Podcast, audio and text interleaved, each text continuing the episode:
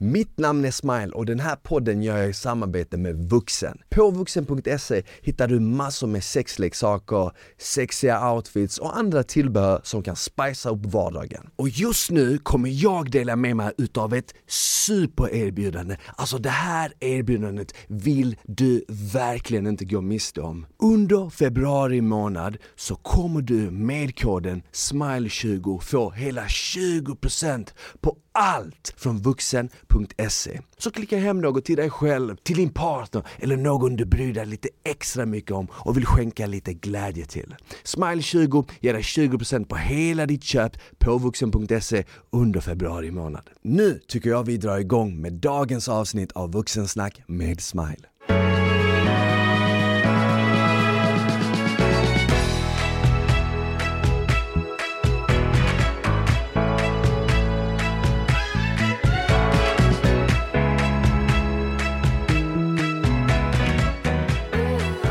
Hej och välkomna tillbaka till ett nytt avsnitt av Vuxensnack med Smile. Hoppas det är bra med er. Idag med mig i studion har jag Erik Bergman, a.k.a. Smiling Erik. Välkommen! Tack så hjärtligt. Entreprenör, är det så jag ska presentera dig som? Det är ett fint ord så kör på det. Eller hur? Men det känns som det är ett ord som alla slänger iväg hur som helst idag. Men jag, det känns som du är legit en riktig entreprenör, det måste jag säga. Legit entreprenör, jag tar den. Jag Eller tar hur? det som en komplimang. Ja, vad bra. Hur är det med dig? Är det bra? Jag är helt imponerad över vilken så här sagoberättarröst du kom in med när du tryckte på play. Är det så? ja, ja, ja. Det är en omställning man lär sig göra. Ja, nej, det är Egentligen, med mig. e- egentligen pratar jag så här, jag orkar inte nu. Nej men eh, hur, hur, eh, hur är det med dig? Hur klarar du dig genom vintern och allting som händer hemma i Sverige just nu? Så jag har precis flyttat till Sverige, jag har bott på Malta i tio år. Så det här är Mm. min första vinter och eh, nu tycker jag att snö är väldigt härligt. Aha. Och känner så här, jag vill ut och göra snöänglar för jag har inte sett snö på tio år. Det snöar inget på Malta nej? Nej, nej, nej. Det är så här och 20 grader på vintern typ. Ja, jag, det har jag tror varit nere på nollan en gång på tio år. Oj. Så att nej, det är inte mycket snö. Men eh, så du kom precis, när kom du tillbaka till Sverige? Eh, julas, Julas. nyår. Så det är verkligen din första vinter på 10 år? Eh, Då måste det ju ändå vara skönt på sätt och vis ja, alltså liksom. nu när det är en riktig vinter också. Exakt. Det är, så här, det är inte bara mörkt, trist slask, utan det är vinter. Ja, verkligen. Fan vad härligt. Hur kommer det sig att du valde att flytta tillbaka till Stockholm nu? Alltså, jag känner att jag vill börja bygga någonting väldigt långsiktigt. Jag tänker väldigt långsiktigt i allting jag gör i livet och på Malta är det jättehärligt, men allt är temporärt. Folk Ja. kommer och går, alla relationer kommer och går. Ingen av dem jag lärde känna när jag flyttade dit för tio år sedan bor kvar i princip. Så att det, Ja. Vad intressant att du säger så, för att jag har en vän som bodde nere på Gran Canaria i 10 år och flyttade nyligen tillbaka. Han flyttade dit för 10 år sedan och började jobba som säljare och sen så eh, köpte han ett litet ställe och sen så hade han eh, några restauranger som han jobbade med och sen sålde han dem och flyttade tillbaka hit och han sa samma sak till mig han, när jag lärde känna honom för typ två år sedan, när jag själv var där nere en gång.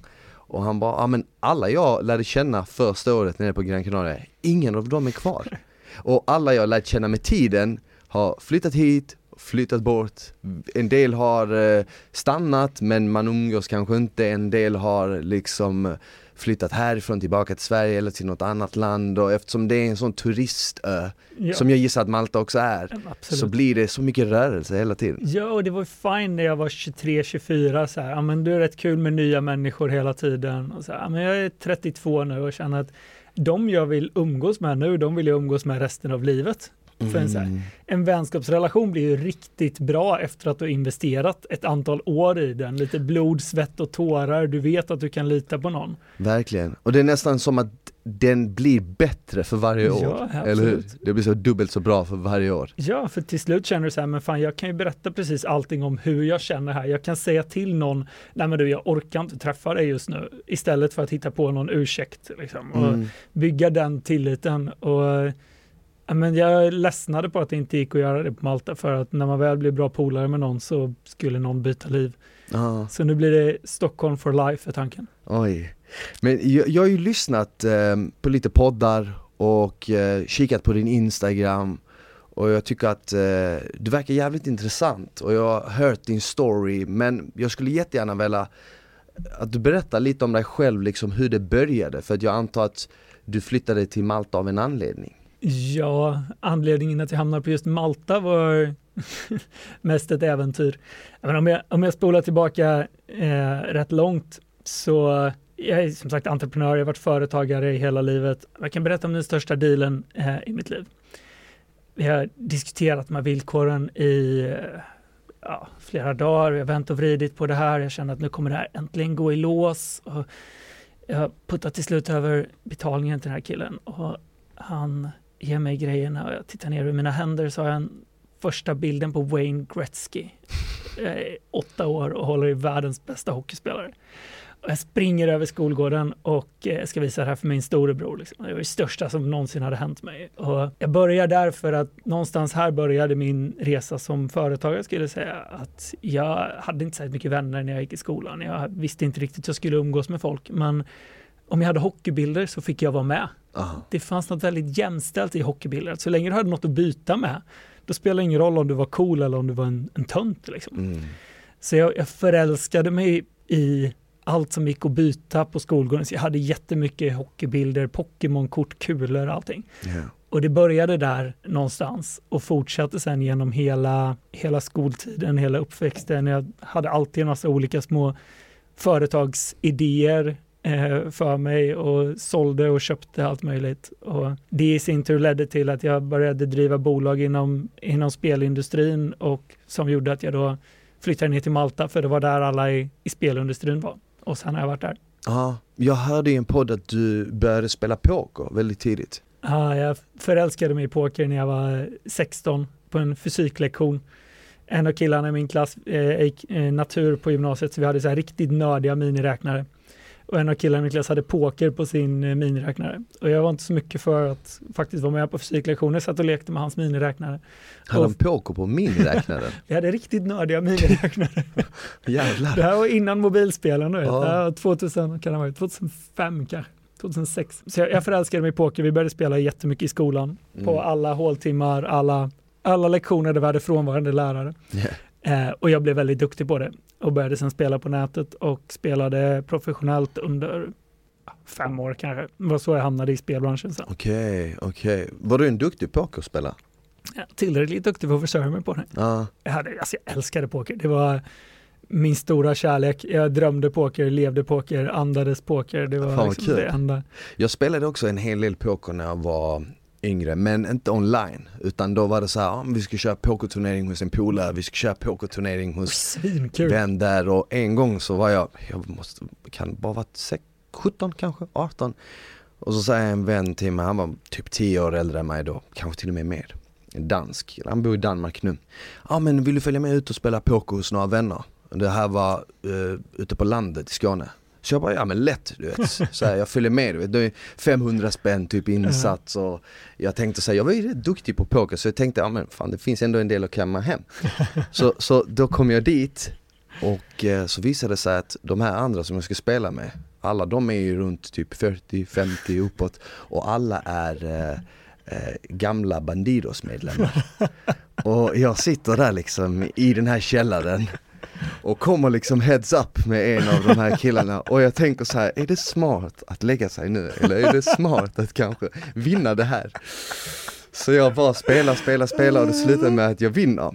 Och då har ändå folk köpt in sig lite och sånt så det, det har blivit en rätt skön pott för liksom så här, för, för, för att ha kul samtidigt. Vet, så här. Så jag bara, okej, okay, jag vann du vet, jag och min polare bara, men vi kanske ska tagga härifrån du vet, så, för det kanske är dags att tagga nu. Så drar vi, men sen så kommer vi på liksom 10 meter ifrån huset, vänta fan vi, har, vi, vi ska ju på fest men vi har ingen dricka. Så jag gör ju det korkade beslutet att gå tillbaka, knacka på och fråga om eh, jag kan köpa lite sprit. Vi har ju precis vunnit liksom deras pengar.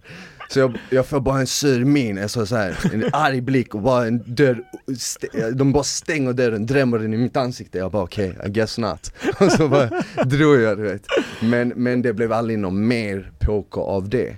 Men, men du tog ju liksom dina, dina skills inom pokern då och kunskap och började jobba med spel.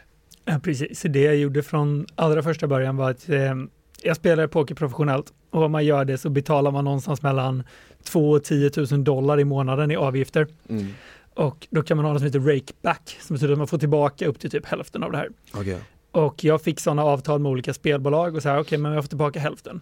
Och då fixade jag det till andra pokerproffs som jag kände att så här, men om ni spelar här, då får ni tillbaka hälften av alla era avgifter. Okay. Och så tog jag en liten katt emellan, så jag tog 5 Så då började jag fixa sådana deals till massa folk som jag kände, som jag träffade på olika turneringar, olika forum och allt möjligt. Mm. Så då började jag marknadsföra poker och då var jag 18 kanske. Och sen tog jag det vidare och byggde vidare på den affärsidén. Okej, okay, okej. Okay.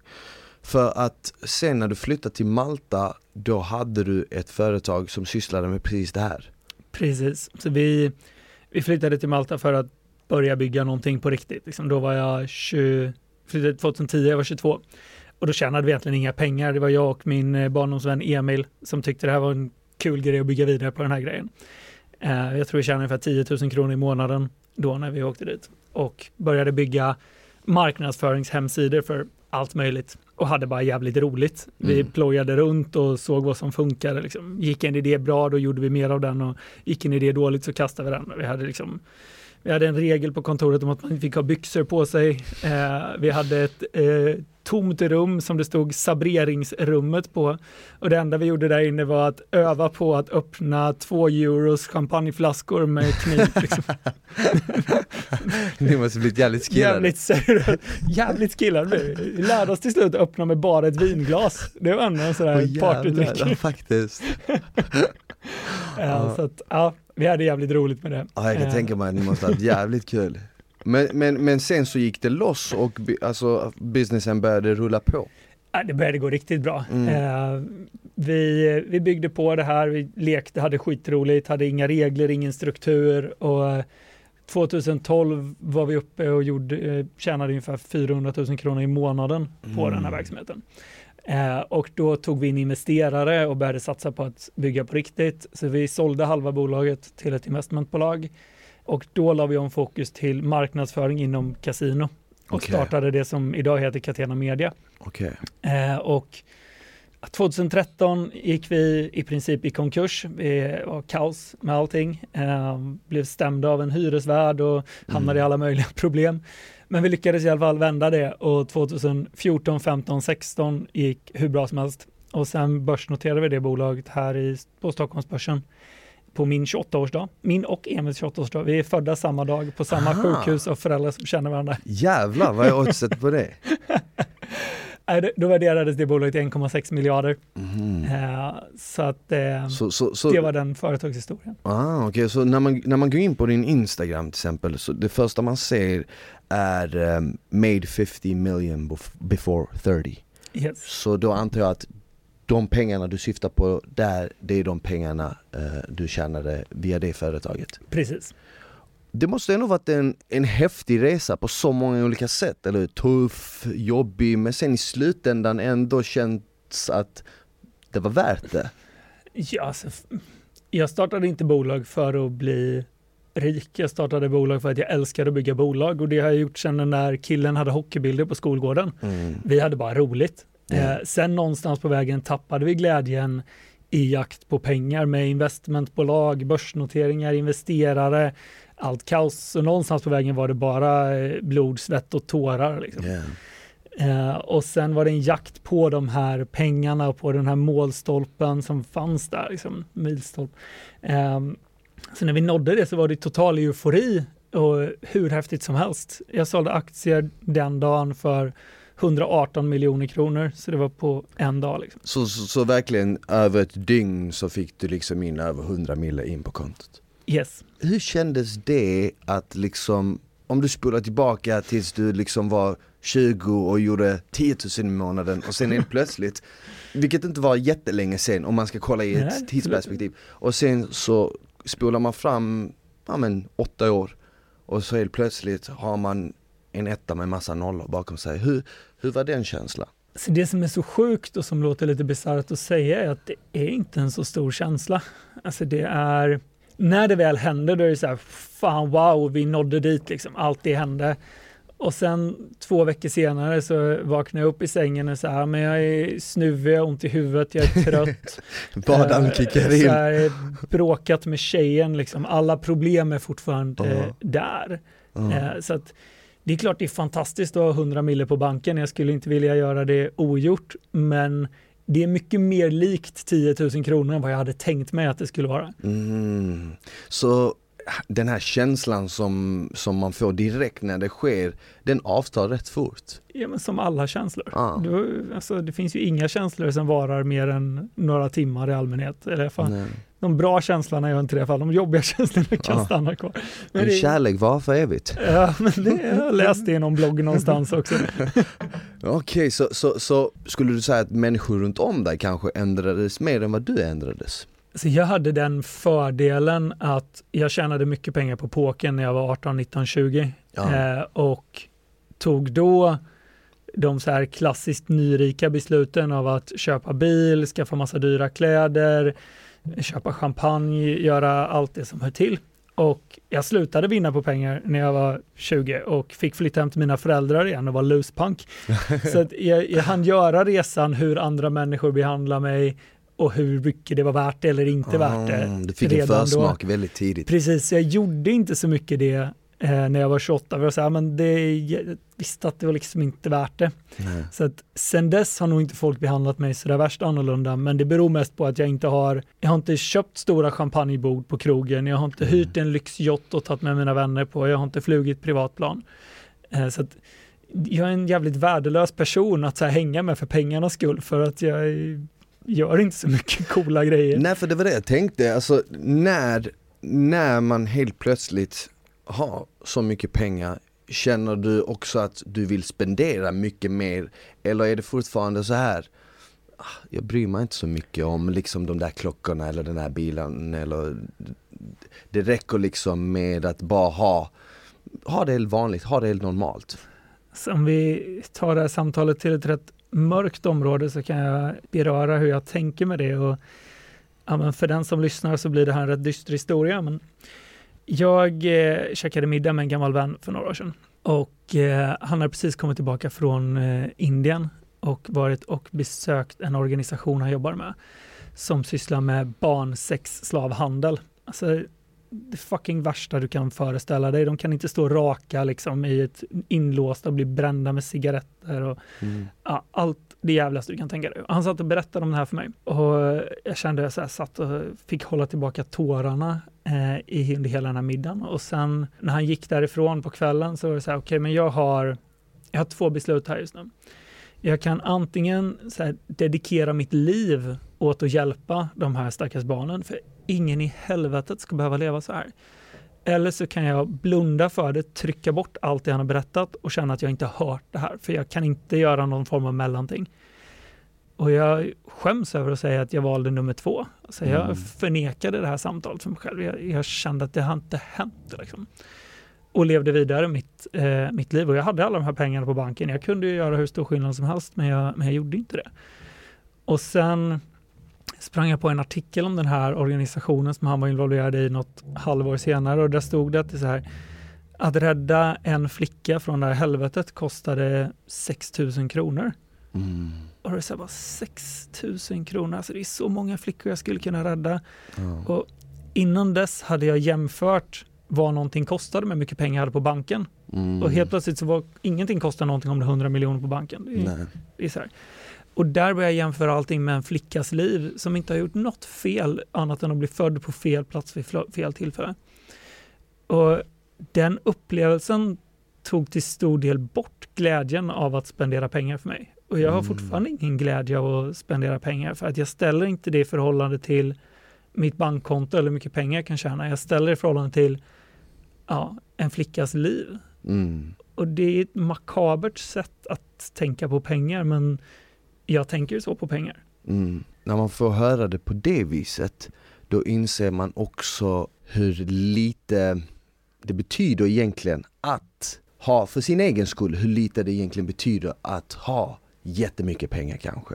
Där, då förstår man också hur mycket det kanske betyder att ha frihet. Att det är egentligen något som är så mycket värdefullare. Ja. Men hur känner du liksom Känner du att efter, efter ett sånt samtal eller efter det känner du att du har börjat fokusera mer på att ge istället?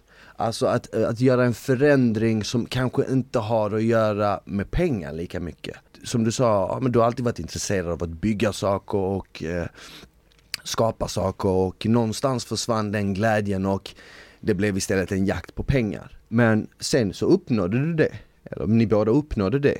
Känner du nu idag liksom att, ja men det hade inte varit fel med ännu mer? Eller känner du nu idag, jag har gjort det där, nu kanske jag vill tänka hur, hur kan jag göra en riktig förändring som faktiskt kan förändra liv på ett annat sätt? Så det jag gör nu är egentligen att kombinera de två sakerna.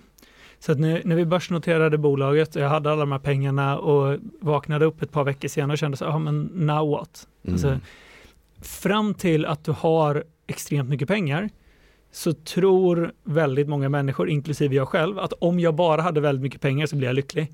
Ja. Och helt plötsligt så hade jag väldigt mycket pengar och jag var inte lycklig.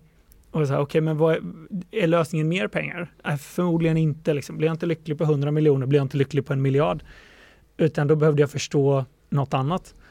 Och jag förstod någonstans på vägen att jag blir lycklig av att bygga företag. Jag tycker det är jävligt roligt. Jag tycker affärer är väldigt roligt. Jag tycker alla de här sakerna är väldigt roligt. Och genom den här eh, händelsen med flickorna i Indien och en del andra liknande situationer så förstod jag att det är väldigt, väldigt meningsfullt att hjälpa andra människor.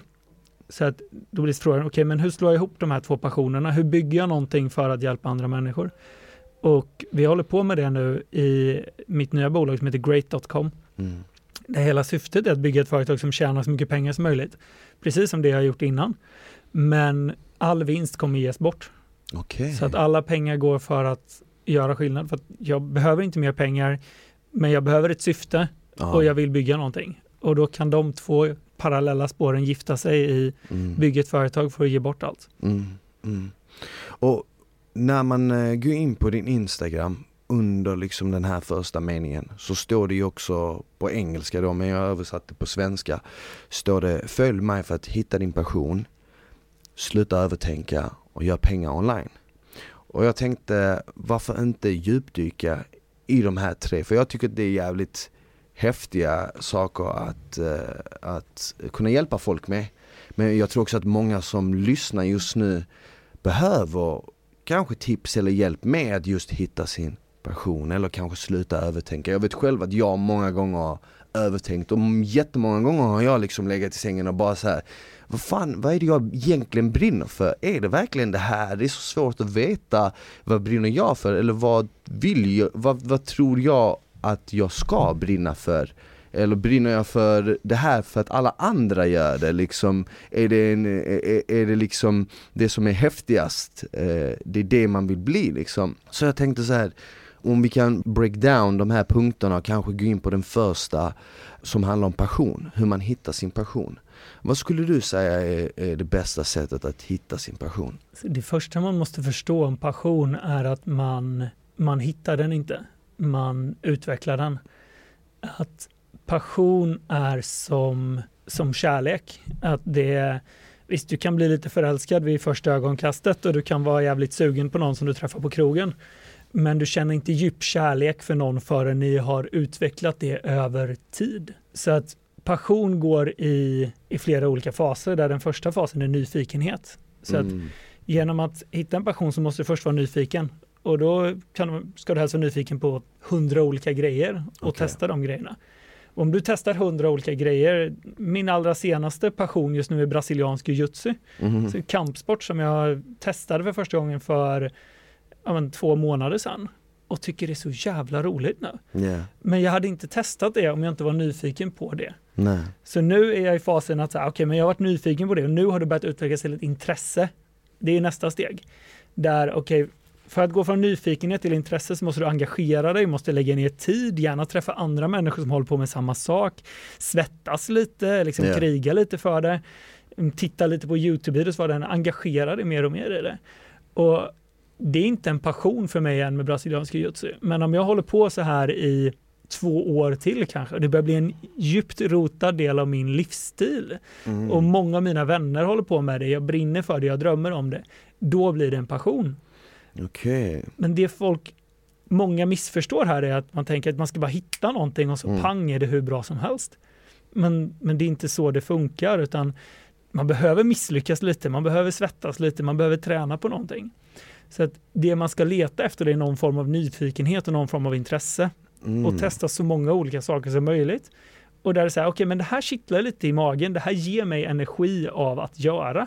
Jag känner mig nyfiken, när jag har slutat göra det här så börjar jag tänka på det. Ja, Då är man på rätt spår. ja. Och om man inte har någonting sånt i livet, då är det så här, okej men testa nya saker, testa brasiliansk jiu-jitsu, prova att göra en podcast, starta ett Instagramkonto, testa surfing, börja skriva en bok. Ja. Så du har ingen aning om vad du tycker är kul om du inte har testat det. Precis som du har ingen aning om vem du kommer bli tokkär i om du inte träffar människor. Det Nej, kommer liksom precis. inte hända. Så, så med andra ord, att testa så mycket som möjligt. Liksom följ din nyfikenhet eller din magkänsla. För någonting jag var otroligt nyfiken på som jag eh, tänkte, det här måste jag göra, det här ser så nice ut, det var yoga. Och sen testade jag det och så gjorde jag det aldrig igen. För det var inte min grej.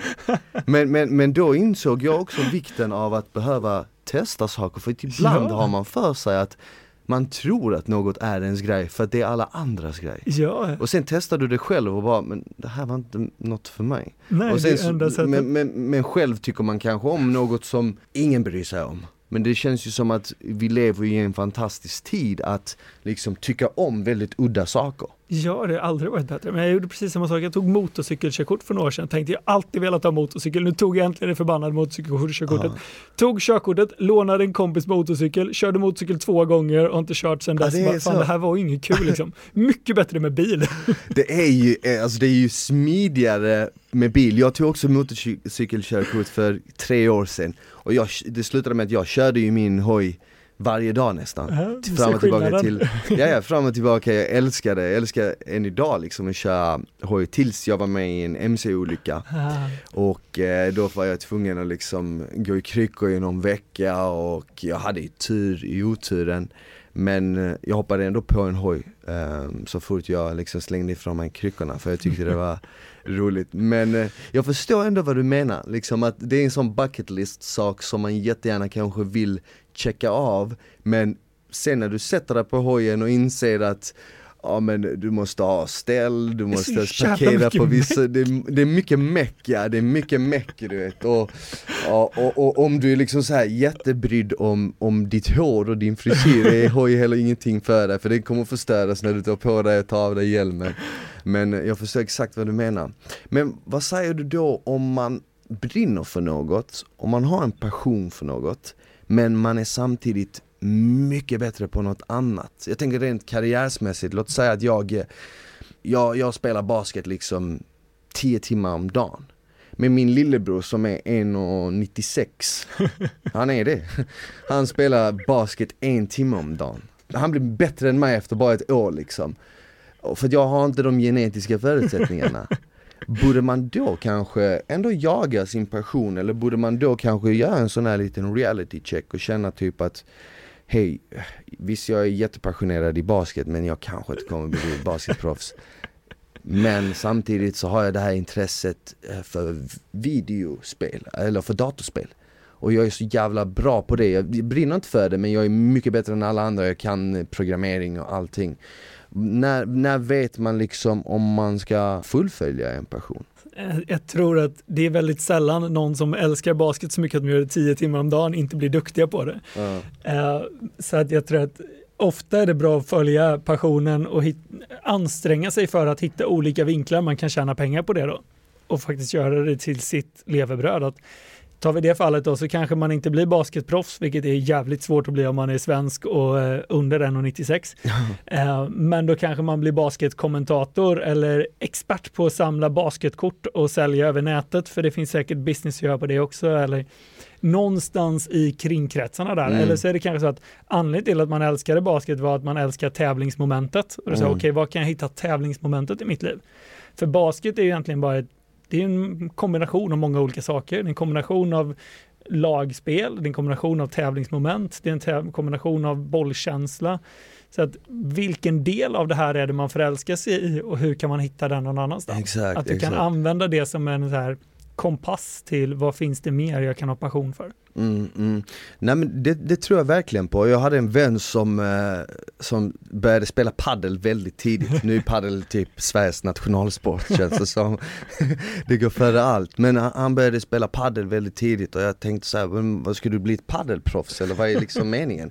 Han bara, nej alltså fan jag är lite för, eh, jag är för gammal för att bli paddelproffs nu. Jag skulle i så fall börjat när jag var liksom 15, 16 så kanske jag hade varit bäst i världen om fem år. Han bara, men jag ska bli bäst i hela Sverige på att sälja paddelprylar. Ja men där har du det, det är precis det tänket. Exakt, och, och det är exakt det, man kanske inte blir basketproffs men du kan bli en Ja. jävligt bra basketkommentator eller vad som helst. liksom.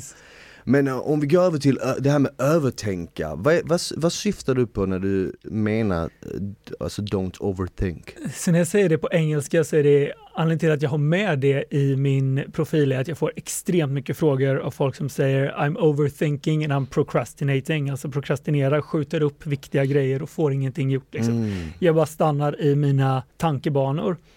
Och ja, men det första som jag vill adressera med det är att det är ett problem som i princip alla tycks ha. Alla tänker för mycket, väldigt få kommer till skott och alla vill hitta någon form av passion. Och bara vetskapen om att jag inte är ensam i det här tror jag är ett väldigt viktigt mönster. För att det är inte så många som pratar om prestationsångest. Det är inte så många som pratar om att de känner sig lata och inte får något gjort. Men väldigt, väldigt många hamnar där. Ja. Och vägen runt det skulle jag säga i första hand Det är så här, ja, men stäng av alla notifikationer på din telefon och lägg den i ett annat rum. Problemet idag är att vi har aldrig riktigt tråkigt och vi har väldigt sällan riktigt kul. Om du tänker så här, om, om du kan ha kul på en skala från 0 till 10 liksom. Så här, våra föräldrars generation, de låg ofta mellan så här 0 och 2 och hade jävligt tråkigt. Men då letade de efter grejer att göra, för ingen vill vara på mellan 0 och 2 och så hittar de en 8 ja, och det kunde vara en boll. det kunde vara en boll, liksom. men de, de hittade någonting. De gav sig ut på gården, de började Ja. leta lite, de snodde några färgburkar, målade något. Alltså, de gav sig ut och letade för att ingen vill vara nere på två. Problemet med en mobiltelefon är att den är aldrig roligare än fyra, men Nej. den är typ aldrig tråkigare än fyra heller. Så att då fastnar man och sitter man och scrollar i sin mobiltelefon så är fast på fyra. Och Mm. fyra är tillräckligt kul för att fortsätta scrolla. Ja. Men inte så kul att du inte kommer ångest när du är 50 och tittar tillbaka på ditt liv och det enda du gjort är scrollat. Oh. Så man, man får liksom en fälla som säger att du så här, ja men det, det är lite för roligt för att lägga undan telefonen, Mm. men lite för tråkigt för att jag liksom ska vilja göra det resten av livet. Mm. Och så fastnar man där. Och det här är den största fienden tror jag mot ett så här, att känna sig nöjd med sitt liv. För att ingen vill leva ett liv och ha varit på en fyra hela tiden, på en skala Mm, 1 till 10. Mm. Alla vill upp till 8 plus. Men problemet för att komma till 8 plus behöver du vara på 2. Ja. För annars agerar du inte. Så att när jag säger stop overthink och stop procrastinate så är det första är så här, okej men börja ha tråkigt. För om du inte har tråkigt så kommer du inte engagera dig i att ha kul. Ja. Så så länge du sitter där med YouTube eller så länge du sitter och kollar på 14 serier på Netflix eller så länge du drar liksom in på porrsajt, runkar lite, kollar lite på något annat, gör någonting. Alltså, Du kommer aldrig över fyra liksom. Nej. Men fyra är tillräckligt ball för att inte göra något annat. Hade du själv problem med alltså, att du övertänkte eller att du liksom sköt upp och latade dig och sånt? Hur kom du över det? För det känns ju ändå som att du vid en väldigt tidig ålder lyckades eh, rent ur ett ekonomiskt perspektiv, liksom finansiellt, väldigt bra. Är det för att du hade ett visst driv eller är det för att du var väldigt disciplinerad? Jag tror en kombination av båda. Att jag, jag har alltid haft väldigt, alltså, en av mina bästa och en av mina sämsta egenskaper, det är att jag har väldigt kort tid mellan tanke och handling. Mm. Vilket gör att jag har gjort jävligt många dumma saker. Jag har sagt väldigt mycket dumma grejer till andra människor. Jag har sårat folk, jag har gjort bort mig på alla möjliga sätt. Eh, för att jag har väldigt kort mellan tanke och handling. Handlingen hann fram före tanken, Ja, eller beslutet. Precis, det är så här, sånt som händer liksom. Men det har också gjort att jag har testat en jävla massa saker som ofta har varit skitdåliga idéer, men jag har testat dem. Så att jag arrangerade fester när jag var 18 och det gick totalt åt helvete och jag förlorade pengar och gjorde bort mig. Men det gjorde att jag sa, ah, fan, jag började, gjorde ett projekt ihop med någon kompis som vill testa nästa grej med honom. Mm. Ja, men lärde mig någonting av det.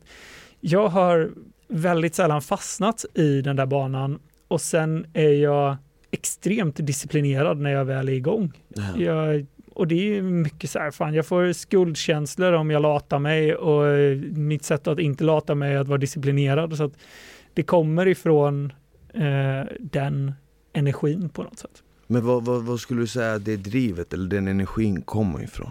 Är det en rädsla för att i, i framtiden när du är 50 blicka tillbaka och känna vad fan gjorde jag? Jag gjorde inget vettigt. Alltså, det är absolut en stor del. Alltså så här, om vi, vi tar nu, jag ska bli, eh, bli farsa här om eh, sex veckor. Och jag har så landat i att den största anledningen till att jag vill bli pappa är att jag inte vill ångra att jag inte blev pappa. Mm. Det är en rätt sorglig anledning att vilja bli pappa, men jag har ändå landat så här, det här är sanningen. Liksom. De två största anledningarna, den första är att så här, jag vill inte ångra det här. Jag är inte det minsta sugen på barn, jag tycker inte så mycket om barn, men jag vill inte vakna när jag är 50 och tänka fuck it, jag skaffar inte barn. Mm. Vad var det liksom? Och den andra är att Johanna, min flickvän, alltid har velat ha barn och så här, men jag vill kunna vara den mannen i hennes liv som ger henne barn. Så att det är absolut en stor drivkraft i att inte vilja ångra mig. Mm. Men det är också en stor drivkraft i att jag vill ha jävligt kul. Så att jag frågar mig nästan alltid så här, hur kan jag göra det här på ett sätt så det är roligt? Om vi tar träning till exempel, som är så här, alla vill vara i bra form, men ingen vill jobba för det. Ingen vill lyfta tunga vikter. Precis, ingen vill det. Och jag hatar att gå på gymmet, jag tycker det är svintråkigt. Men det är viktigt för mig att hitta en träningsform som är rolig. Så jag har testat nästan alla träningsformer. Jag har testat bergsklättring, är zumba, yoga, kampsport, motocross, allt möjligt. Eh, paddel ska vi inte tala om. Skittråkigt med paddel. eh, och fastnat nu då för brasiliansk jiu-jitsu. Och Ah. jag tycker det är så roligt att jag längtar efter träningspasset. Och det är så det ska kännas. Det är så det ska kännas. Men jag hade inte gjort det om jag inte testat 10, Nej. 20, 30 olika sporter. Mm. Och det tror jag är en, en livsfilosofi som jag haft mycket användning av. Att här, jag frågar mig alltid hur kan det här vara kul? Och Ja. om det inte är kul så slutar jag. Och så frågar jag mig själv, hur gör jag det kul? Mm. Och det har varit en nyckel till ja, men Instagram och sådana saker. Jag skapar jättemycket content och frågar mig alltid, okej men hur tycker jag det här är roligt? Så fort det inte är kul längre så slutar jag med det och så gör jag något annat. Ja. För att om det inte är kul, då måste det finnas ett annat sätt som är kul. För är det inte kul så kommer, är det en tidsfråga man ger upp. Hatar du att gå till gymmet? Visst, du kanske lyckas hålla dig vältränad i ett år, kanske två, kanske tre. Du kommer inte hålla dig vältränad i tio år om du hatar att gå dit. Nej, precis. Men det är någonting som jag säger till alla som, eh, som söker och vill komma igång med träningen och anmäla sig hos mig. Det, då brukar jag alltid säga, för de som säger att styrketräning är inte för mig. Då brukar jag säga, men det är skitbra. Om du vet det så är det ju toppen. Då behöver du inte ta dig till ett gym. För det finns tusentals andra sporter som kanske är för dig. Ja, Jag, jag spelade fotboll i tio års tid och det visade sig efter tio år att det var inte för mig. För jag la av. fan Och- du är inte så snabb ändå om du kommer till det. Eller, men, men, men, men, men det kanske inte var min grej redan när jag började, men jag tänkte inte Alla så andra, mycket på alla det. andra spelade fotboll. Alla spelade fotboll och jag bara hängde med, men jag älskar ju att springa. Mhm.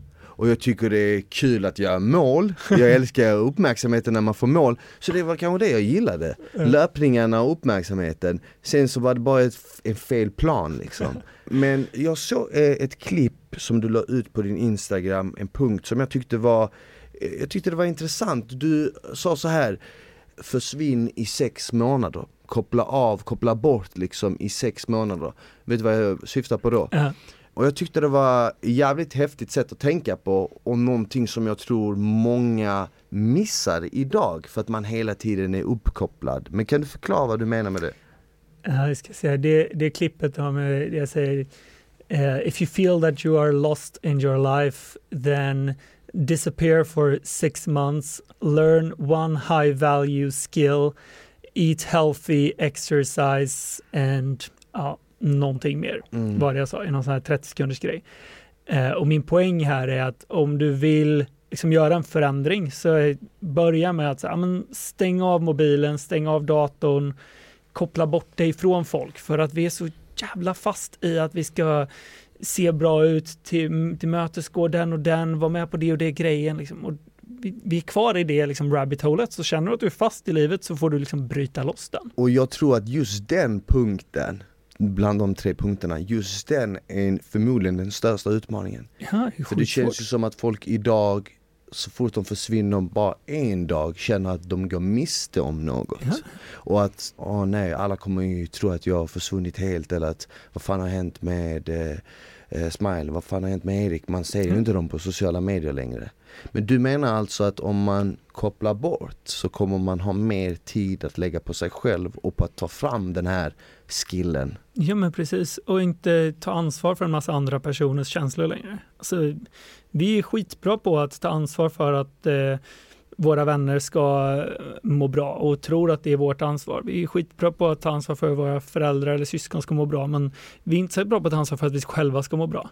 Mm. Och det är där det faller, att väldigt många säger okej men det är mycket viktigare att jag ser till att de omkring mig mår bra och sen glömmer jag mig själv. Mm. Men om du då stänger av det, fan, lägg den tiden i fokus. Om du, det första du gör, om du bara börjar så här, se till att du sover bra, äter bra och tränar tre gånger i veckan, ja, men redan där har du förmodligen väldigt mycket lösningar på dina problem. Och Det finns jättemånga sätt att tjäna pengar på på nätet som man kan lära sig om man lägger sex månaders tid på, på det. Liksom. Alltså, du Mm. kan bara börja skriva texter och lägga ut det som en tjänst och så kan du helt plötsligt jobba hemifrån om du gillar att skriva. Du kan klippa poddar och bara lära dig det och så kan du tjäna lite pengar på att klippa poddar eller du kan starta ett Instagramkonto eller lägga upp träningsvideos eller vad du nu är. Och om du dedikerar sex månaders tid till det och inte så här heltid, lägg en, två timmar om dagen så kommer du kunna lära dig att tjäna pengar på nätet hemifrån. Och du kanske inte lär dig att tjäna en hel månadslön på ett bräde liksom, men Ja. du kommer igång och om du bara börjar tjäna 100 spänn i månaden helt plötsligt så vet du fan, jag kan ju betala min Spotify-räkning genom att göra någonting roligt.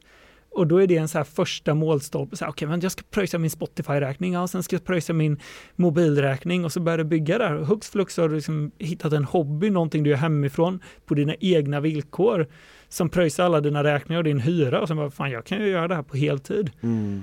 Men du måste koppla bort, du måste lägga tiden, du måste testa. Återigen, du hittar din passion, hittar ditt intresse i det här. Prova hundra olika sätt eh, och gör vad som helst. Men bestäm dig för att ah, men jag, ska, jag ska komma på ett sätt att pröjsa min Spotify-räkning genom att jobba hemifrån. Det är hundra spänn i månaden, det är ett rätt blygsamt mål. Mm. Men jag tror att alla kan göra det och fortfarande ha kul. Verkligen. Jag, tror, jag, jag håller med dig till hundra och jag tror att en stor anledning varför man kan lyckas med det också är förmodligen för att så få gör det. Ja, Så få dedikerar ett halvår och som du säger, kanske två timmar om dagen på just en skill. Och det kan vara vad som helst, det kan vara kanske, ja men lära ut sitt, ja men om du, om du är svensktalande, du kanske gör en hemsida och lär ut svenska till Ja. folk runt om i hela världen.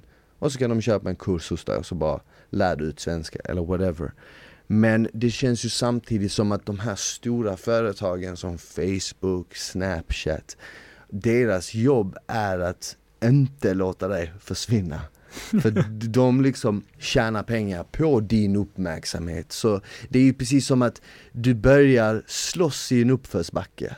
ja, Det är en uppförsbacke och det är inte liksom, det, det känns som att jag gissar på att det är samma sak för till exempel en rökare som precis lägger av och fimpar den sista cigaretten, att de första veckorna är extremt jobbiga, sen blir det lättare med tiden. Samma sak skulle jag gissa på att det är med sociala medier liksom. Alltså, om du tänker dig att du tar tusen av de smartaste människorna i världen och så ger du dem i uppdrag att skapa den starkaste drogen möjligt.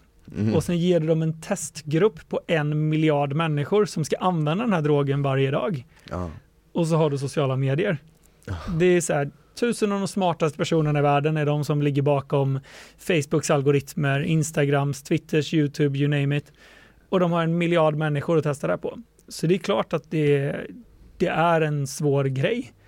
Eh, och jag tror att stänga av notifikationerna på sin telefon är det enklaste sättet att så här frigöra ett space i hjärnan.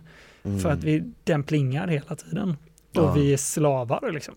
Det är som om du då är rökare, men skillnaden är att det är inte cigarettpaketet som ligger i fickan hela tiden. Cigaretten hoppar upp framför dig varje gång. ja, exakt, exakt. du borde röka nu, du borde röka nu. Det är inte ens din kropp som bestämmer att du är sugen på cigaretter. Det är ciggpaketet. Liksom. Nej nej nej. Så det, exakt, så man slåss ju redan i en liten uppförsbacke men jag tror att bara om man skulle kunna bara liksom koppla bort i en vecka eller en helg och bara få de här känslorna som kanske kommer utav det. Eller ändra sättet man använder liksom olika appar på. Jag använder till exempel Instagram idag som ett verktyg att nå ut till fler människor med mitt budskap kring träning och kring kost. Och helt plötsligt så ser jag på den här uh, appen på ett helt annorlunda sätt.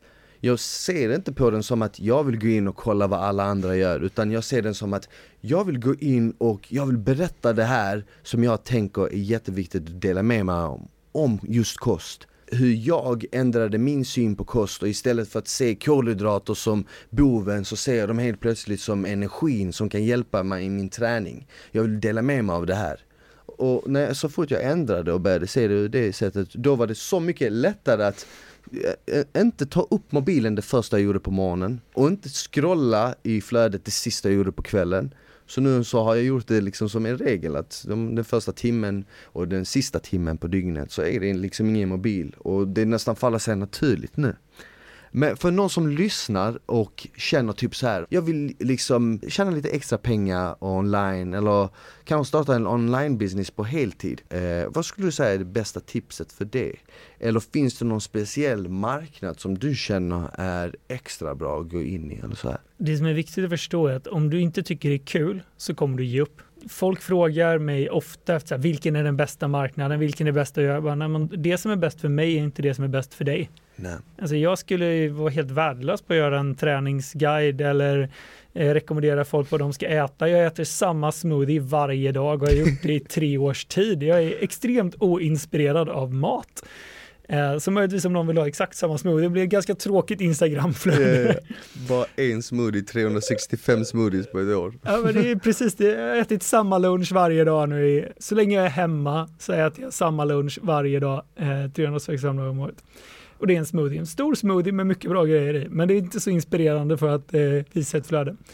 Men det är den första grejen man behöver förstå. Du måste tycka det här är kul. Det betyder att ingen annan kan säga till dig vad det är du ska göra. Du måste testa dig fram. Ingen annan kan säga till dig.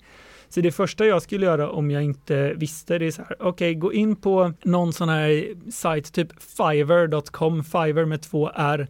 Där kan man köpa massa små tjänster. Som du vill eh, hitta någon som ska göra en textning på din eh, video eller du kan till och med hitta någon som så här, ska skriva ett vackert meddelande i sanden på någon sandstrand och ta kort på det och skicka till din flickvän.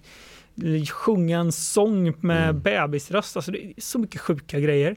Och bara in och kolla, okay, vad gör folk? Vad av det här skulle jag tycka var kul att göra? Vill jag designa loggor? Vill jag testa kläder? Alltså det kan vara mm. vad fan som helst. Och så här, leta inspiration och se, okej okay, men när jag bläddrar igenom de här hundra olika grejerna som andra människor gör, vilken av dem får det att liksom så här pirra till lite av nyfikenhet hos mig? Och sen börja utforska det. Kolla YouTube-guider om det eller så här, ta skriva texter till exempel, e-handelstexter, det är vanligt. Okej, okay, men kolla en YouTube-guide, hur skriver man copywriting och så lär dig det och tycker du det är kul, skitbra, fortsätt. Tycker du det är skittråkigt, ah, okej, okay, men då ska jag prova att starta en tränings-Instagram eller en podcast eller något annat.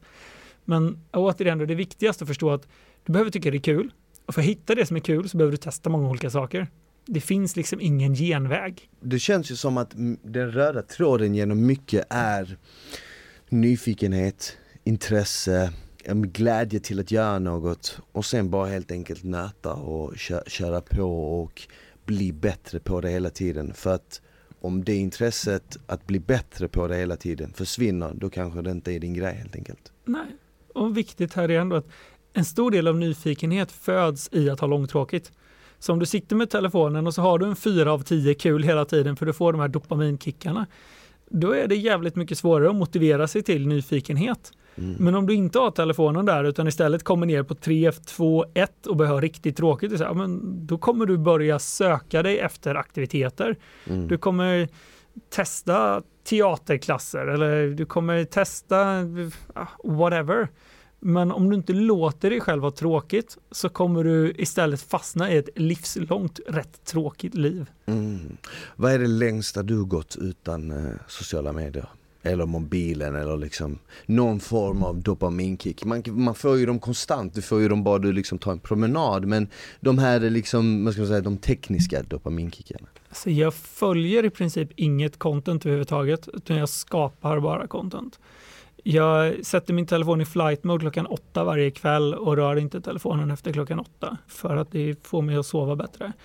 Jag tittar i princip inte på, enda gången jag slår på tvn på kvällstid är om jag förutbestämt någonting jag ska se för att någon har rekommenderat det. Så jag slår aldrig på tvn om jag inte bestämt att jag ska titta. Uh, och det konstaterade jag efter att jag hade kollat på typ, inte den allra senaste säsongen av Paradise Hotel, men typ säsongen innan det. Så jag kollat på hela säsongen och insett Alltså det här var ingen bra säsong. Jag har slösat bort så mycket av mitt liv här på att kolla på... Så du på har följt PH till exempel? Alltså jag följde det, jag har kollat så mycket PH alltså. Det är så? ja, jag har kollat alldeles för mycket Paradise Hotel. Mm. men också insett då genom det att så här, okej okay, men jag har kollat på, ja, men jag tror det var säsongen typ 2019, kollat på hela säsongen så här, jag har inte tyckt att ett enda avsnitt har varit särskilt bra, men jag har ändå fortsatt titta. Yeah. Och det är så här väckarklocka till min hjärna då, att okej okay, men Erik, what the fuck. Det är lite som att jag så skulle fortsätta äta mat som smakar skit hela tiden, bara för att den är på något sätt beroendeframkallande. Så att efter den insikten var det så här, nej men jag ska aldrig mer slå på tvn om jag inte bestämt på förhand vad jag ska titta på. Uh-huh. För det är så lätt att bara börja titta på någonting och fortsätta titta på någonting utan att ens tycka det är kul. Så att jag har aldrig egentligen gått någon så här dopamin-detox där nej. jag inte använder telefonen alls under en längre tid. Men jag har gjort väldigt många aktiva val för att inte vara inne på det. Liksom. Ja. ja som det här med att eh, logga ut klockan åtta ja. och inte hålla på med det. Men jag tyckte det var ett jävligt bra tips. Det är faktiskt någonting jag inte har hört tidigare. Att, att ta kanske en detox bara av anledningen att ha tråkigt. Ja. Den infallsvinkeln har jag faktiskt aldrig någonsin sett och jag, man har ju hört om att ja, ta en detox för att det blir lättare att fokusera och du stressar liksom mindre och du vet eh, Att tänka på det så, att liksom ta en liten detox bara för att ha lite tråkigt så att du kan liksom söka dig naturligt till någonting du kanske är intresserad av istället för att ha det här som kanske ockuperar dig. Ja, men alltså vi är så jävla rädda för att ha tråkigt. Ah. Alltså är det någonting vi är allergiska mot så är det tråkigt jag försöker mitt le leva mitt liv efter att antingen ha maximal output och göra så mycket grejer som möjligt eller vila. Jag försöker att inte ha några andra nivåer och det är klart att det inte alltid är så. Men det är nästan antingen så skapar jag grejer, gör saker, får mycket gjort eller så vilar jag, vilket gör att det är stora delar av dagen jag inte gör ett skit. Jag går promenader i tystnad eller jag jag tar typ två powernaps om dagen när jag går och lägger mig tidigt och har då väldigt tråkigt i det. Eller så här bearbetar tankar i det. Men genom att göra det så ger jag mig själv space att återhämta mig. Uh. Men om du scrollar i telefonen så är det att vila men du har en så här nedåtgående energitrend hela tiden. Mm. Du gör åt lite, lite energi hela tiden. Om du har scrollat en timme så kommer du vara lite tröttare än vad du började. Mm. Men om du har haft tråkigt en timme och bara legat och vilat eller tagit en promenad så har du liksom mer energi sen mm. att göra någonting. Jag vet inte, har du talas om Naval Ravikant? Älskar du... Naval. Ja, han har, han, jag lyssnade på ett avsnitt när han gästade, jag tror det var Joe Rogan, jag tror inte det. Ja, han har varit med Det måste varit, exakt. Och Tim Ferriss. Exakt, och jag tyckte det han sa var så jävla bra, jag hade aldrig tänkt på det så för att han sa, säger att människor är inte till för att jobba liksom 8 till 5. Han bara, vi är lite mer som lejon egentligen. Vi ska jaga, vara jätteexplosiva och sen vila. Med andra ord liksom jobba stenhårt på något kanske och sen ta en liten break ett längre tag. Och sen komma tillbaka istället för den här konstanta robotlivsstilen där det är samma sak måndag till fredag, 8 till 5, året runt. Och jag gillar det sättet. Ja. Jag gillar det sättet att tänka på, jag gillar det sättet att, att agera på. Jag hoppas att vi kan röra oss mot en tid då alla människor kan göra så. För att sen jag slutade liksom jobba 8 till 5 och liksom designade mitt liv hur jag vill ha det att jag vill kunna jobba när jag vill jobba och jag vill, om jag känner för att inte jobba så gör jag inte det. Och att jag mer eller mindre lever genom mitt arbete och med det menar jag att jag jobbar med sånt jag brinner för. Så att det är en lek för mig. Det är inte jobbigt. Om jag sitter och jobbar i 10 12 timmar om en dag så känns inte det som att det har varit jobb utan jag har gjort saker jag tycker är kul. Och jag hoppas ändå på sätt och vis att alla kan ja, men, jaga något intresse eller någon dröm, dröm de har för det är en fantastisk känsla när man kan göra någonting man tycker är jävligt kul och bestämma exakt när man vill göra det. Ja, det han säger, Naval Ravikant, lyssna mm. på den podden med Joe Rogan eller allt han har gjort, en geni. Men det han säger är det att vi har en till två timmar har vi energi och fokus att göra någonting och de gångerna vi har det så är det viktigt att använda det mm. och liksom gå loss på den idén. Att inspiration, vi kan inte riktigt styra över när den dyker upp. Så när den är där är det viktigt att ta användning av den. Mm. Och sen den kanske kommer klockan nio på kvällen, den kanske kommer klockan sju på morgonen. Men vi kan inte få fram den på beställning mellan 8 och 5. Och ingen har 8 timmar högintensiv inspiration ja. regelbundet. Liksom. Ja. Är, jag kan räkna på fingrarna de dagarna i mitt liv jag har haft ett riktigt bra energiflöde i åtta timmar. Ja. Nej men det är sant och det är någonting som jag, om jag jämför med träningen, många säger så här till mig, hur länge, hur länge tränar du liksom när du är på gymmet? Folk tror jag tränar typ så i timmar. Jag bara, nej men jag kör typ en halvtimme, 40 minuter. De bara, va? Bara en halvtimme?